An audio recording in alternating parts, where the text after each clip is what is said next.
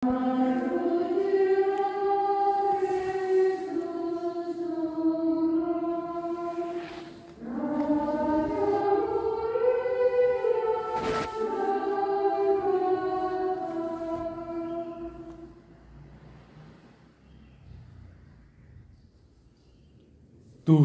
bersamamu dan bersama rohmu.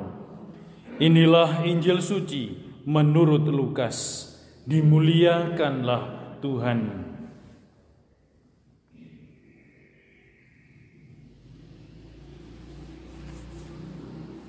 Sekali peristiwa, Yesus berkata kepada murid-muridnya bahwa anak manusia harus menanggung banyak penderitaan ditolak oleh tua-tua, imam-imam kepala, dan ahli-ahli Taurat, lalu dibunuh, tetapi dibangkitkan pada hari ketiga. Katanya kepada mereka semua, "Setiap orang yang mau mengikuti Aku harus menyangkal dirinya, memikul salibnya setiap hari, dan mengikuti Aku." Karena barang siapa mau menyelamatkan nyawanya, ia akan kehilangan nyawanya. Tetapi barang siapa kehilangan nyawanya karena aku, ia akan menyelamatkannya.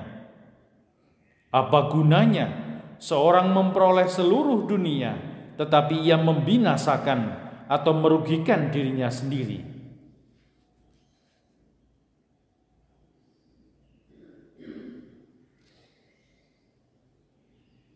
Demikianlah sabda Tuhan, terpujilah Kristus.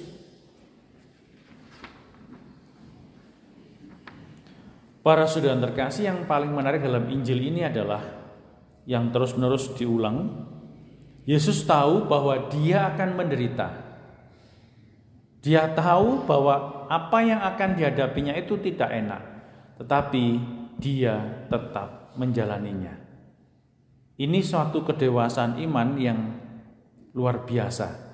Karena kita tahu bahwa apa yang membuat kita ini lemah, membuat kita bisa jatuh, tetapi tetap dijalani. Ada satu keyakinan, ada satu nilai yang diperjuangkan.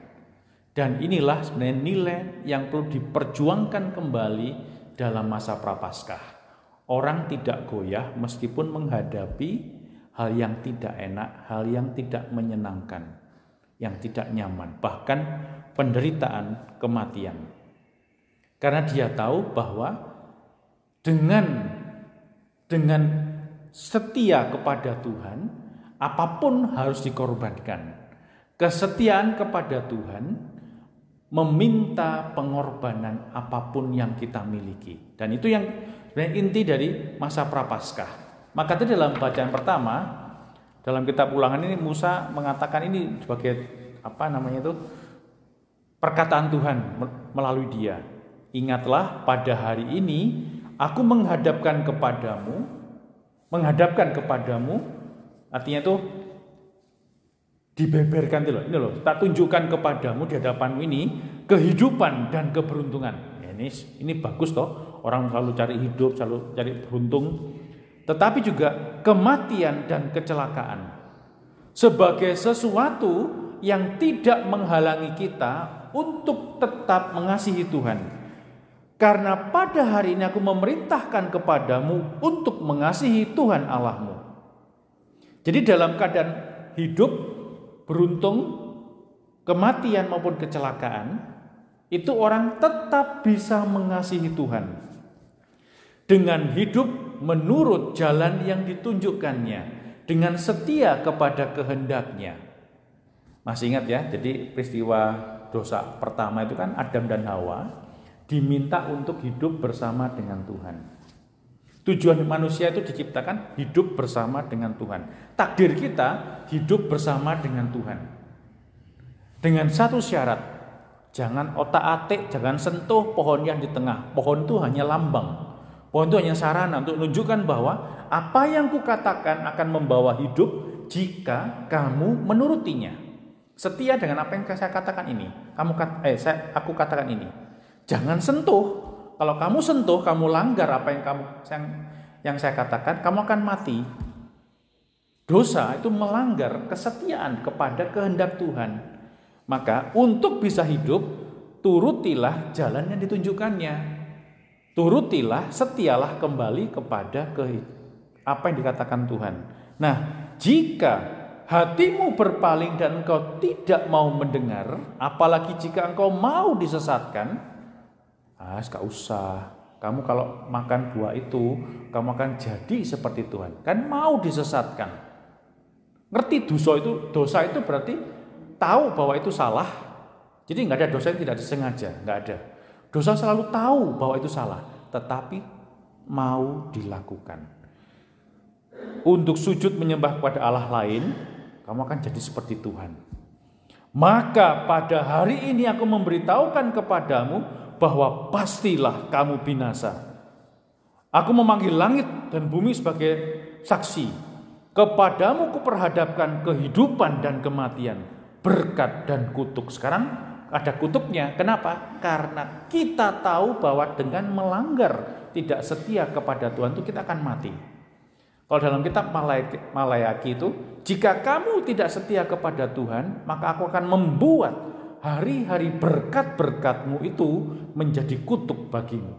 Jadi kutuk itu ada pada saat kita melanggar perintah Tuhan. Pada saat kita tidak setia kepadanya. Maka untuk bisa digumau oh ini. Maka untuk bisa setia kepada kehendak Tuhan, ikutilah cara Yesus. Maka tadi itu Yesus mengatakan, setiap orang yang mau mengikuti aku harus menyangkal dirinya. Jangan cari hidupnya sendiri, jangan cari kesenangannya sendiri. Kembali setia kepada Tuhan, memikul salibnya. Kalau orang itu mau katakan ya, dia disakiti, pinginnya kan balas. Membalas ini kan cari diri sendiri toh. Seneng itu balas itu. Kalau kita sakit itu ya, kalau lihat orang itu kalau lihat orang yang menyakiti kita itu menderita sama-sama kita, itu seneng rasanya itu. Uh, puas, uh, kerasa no ya, uh, uh, kurang ajar, rasa no itu ya. Udah, seneng. Tapi itu mencari diri sendiri, maka derita orang yang berusaha untuk memaafkan orang yang menyakiti dia, kesesakan orang yang mau memaafkan orang yang menyakiti dia banget banget banget banget itu adalah derita salib, memikul salib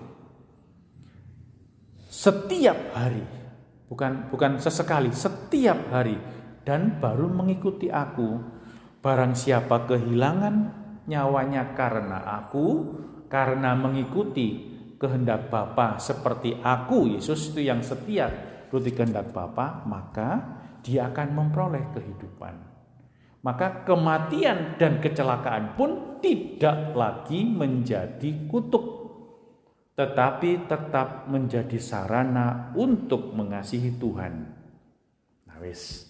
Sekali lagi, kutub itu ada, kematian jadi sesuatu yang bukan berkat karena kita melanggar kesetiaan kepada kehendak Tuhan. Maka kalau rujuk dalam Injil kemarin, eh Pak, kitab Yoel kemarin, berbaliklah kepadaku, kasihilah kepada, kekasihilah aku, dengarkanlah perkataanku. Terus itu nanti selama masa prapaskah kita akan diingatkan itu terus. Berbaliklah, berbaliklah, balik, balik, balik.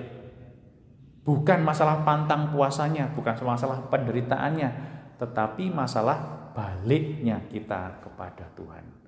Maka hari ini kita uh, secara khusus berdoa bagi Ibu Angela Amalia Igusti Ayu ini karena kita percaya bahwa hidup kita tidak berhenti pada kematian, Apa pun bagaimana caranya, eh, bagaimana kematian seseorang itu tidak menentukan kualitas kualitas hidup kualitas hidup seseorang itu, tetapi bagaimana cara kita berusaha untuk setia kembali kepada Tuhan menentukan bagaimana kualitas hidup kita.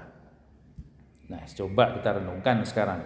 Apakah yang aku lakukan selama ini. Sekali lagi, ini tidak dosa itu tidak hanya yang yang jelek-jelek loh. Tetapi tadi itu pingin seperti Tuhan. Punya merasa bahwa aku yang paling benar. Aku tidak membutuhkan yang lain. Ini kan menjadi Tuhan atas diri sendiri. Nah, coba direnungkan sekarang. Apakah aku selama ini entah dalam berbuat baik, entah dalam memperbaiki kesalahan orang lain, saudaraku? Apakah yang bergerak dalam hati kita? Apakah yang berdinamika dalam hati kita ini? Kesombonganku ataukah benar-benar kesadaran bahwa aku ini seperti abu yang sama dengan yang kemarin kamu juga terima abunya. Nah itu loh mas, coba kita renungkan uh, apa yang sedang kita alami saat ini. Apa yang menggerakkan aku untuk memperbaiki kesalahan saudaraku? Apa yang menggerakkan aku untuk memaafkan saudaraku? Apakah sungguh-sungguh mau setia kepada apa yang baik ataukah hanya aku pengen dianggap baik aku pengen dipuji orang karena aku jadi orang yang baik orang yang sabar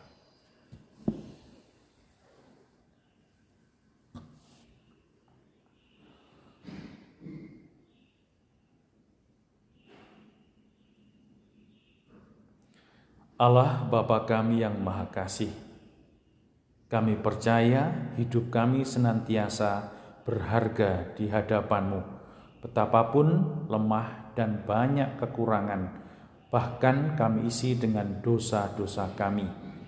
Kami percaya Engkau terus menguatkan kami, terutama kami ingin mempersembahkan ke dalam naungan kasih-Mu mereka semua yang sedang sakit dan yang kami sayangi saat ini. Kuatkanlah mereka dalam kelemahan dan sakit mereka agar mereka tidak pernah lalai untuk kembali setia kepada kehendakmu. Biarlah kelemahan, kekurangan, dan bahkan sakit mereka menjadi kesempatan di mana kami berjuang untuk kembali setia, berdoa untuk orang lain yang sedang sakit pula, dan mempersembahkan sakit dan kelemahan derita kami itu sebagai silih atas dosa-dosa kami. Kami ingin mempersembahkan secara khusus ya Bapa, saudara-saudari kami yang telah kau panggil kepadamu, terutama Ibu Angela Amalia Igusti Ayu. Kami percaya hidupnya kau ubah menjadi perjalanan menuju engkau bersama dengan engkau dalam kerajaan kasihmu di surga. Semoga dia kau perkenankan menjadi pendoa bagi kami semua, menjadi perantara rahmat dan pembagi rahmat bagi kami semua yang masih harus berjuang di dunia ini. Bapa yang Maha Kasih, semoga Engkau perkenankan kami semua berjuang bersama-sama untuk kembali setia kepadamu. Kuatkanlah kami hari ini demi Kristus, Tuhan dan pengantara kami. Amin.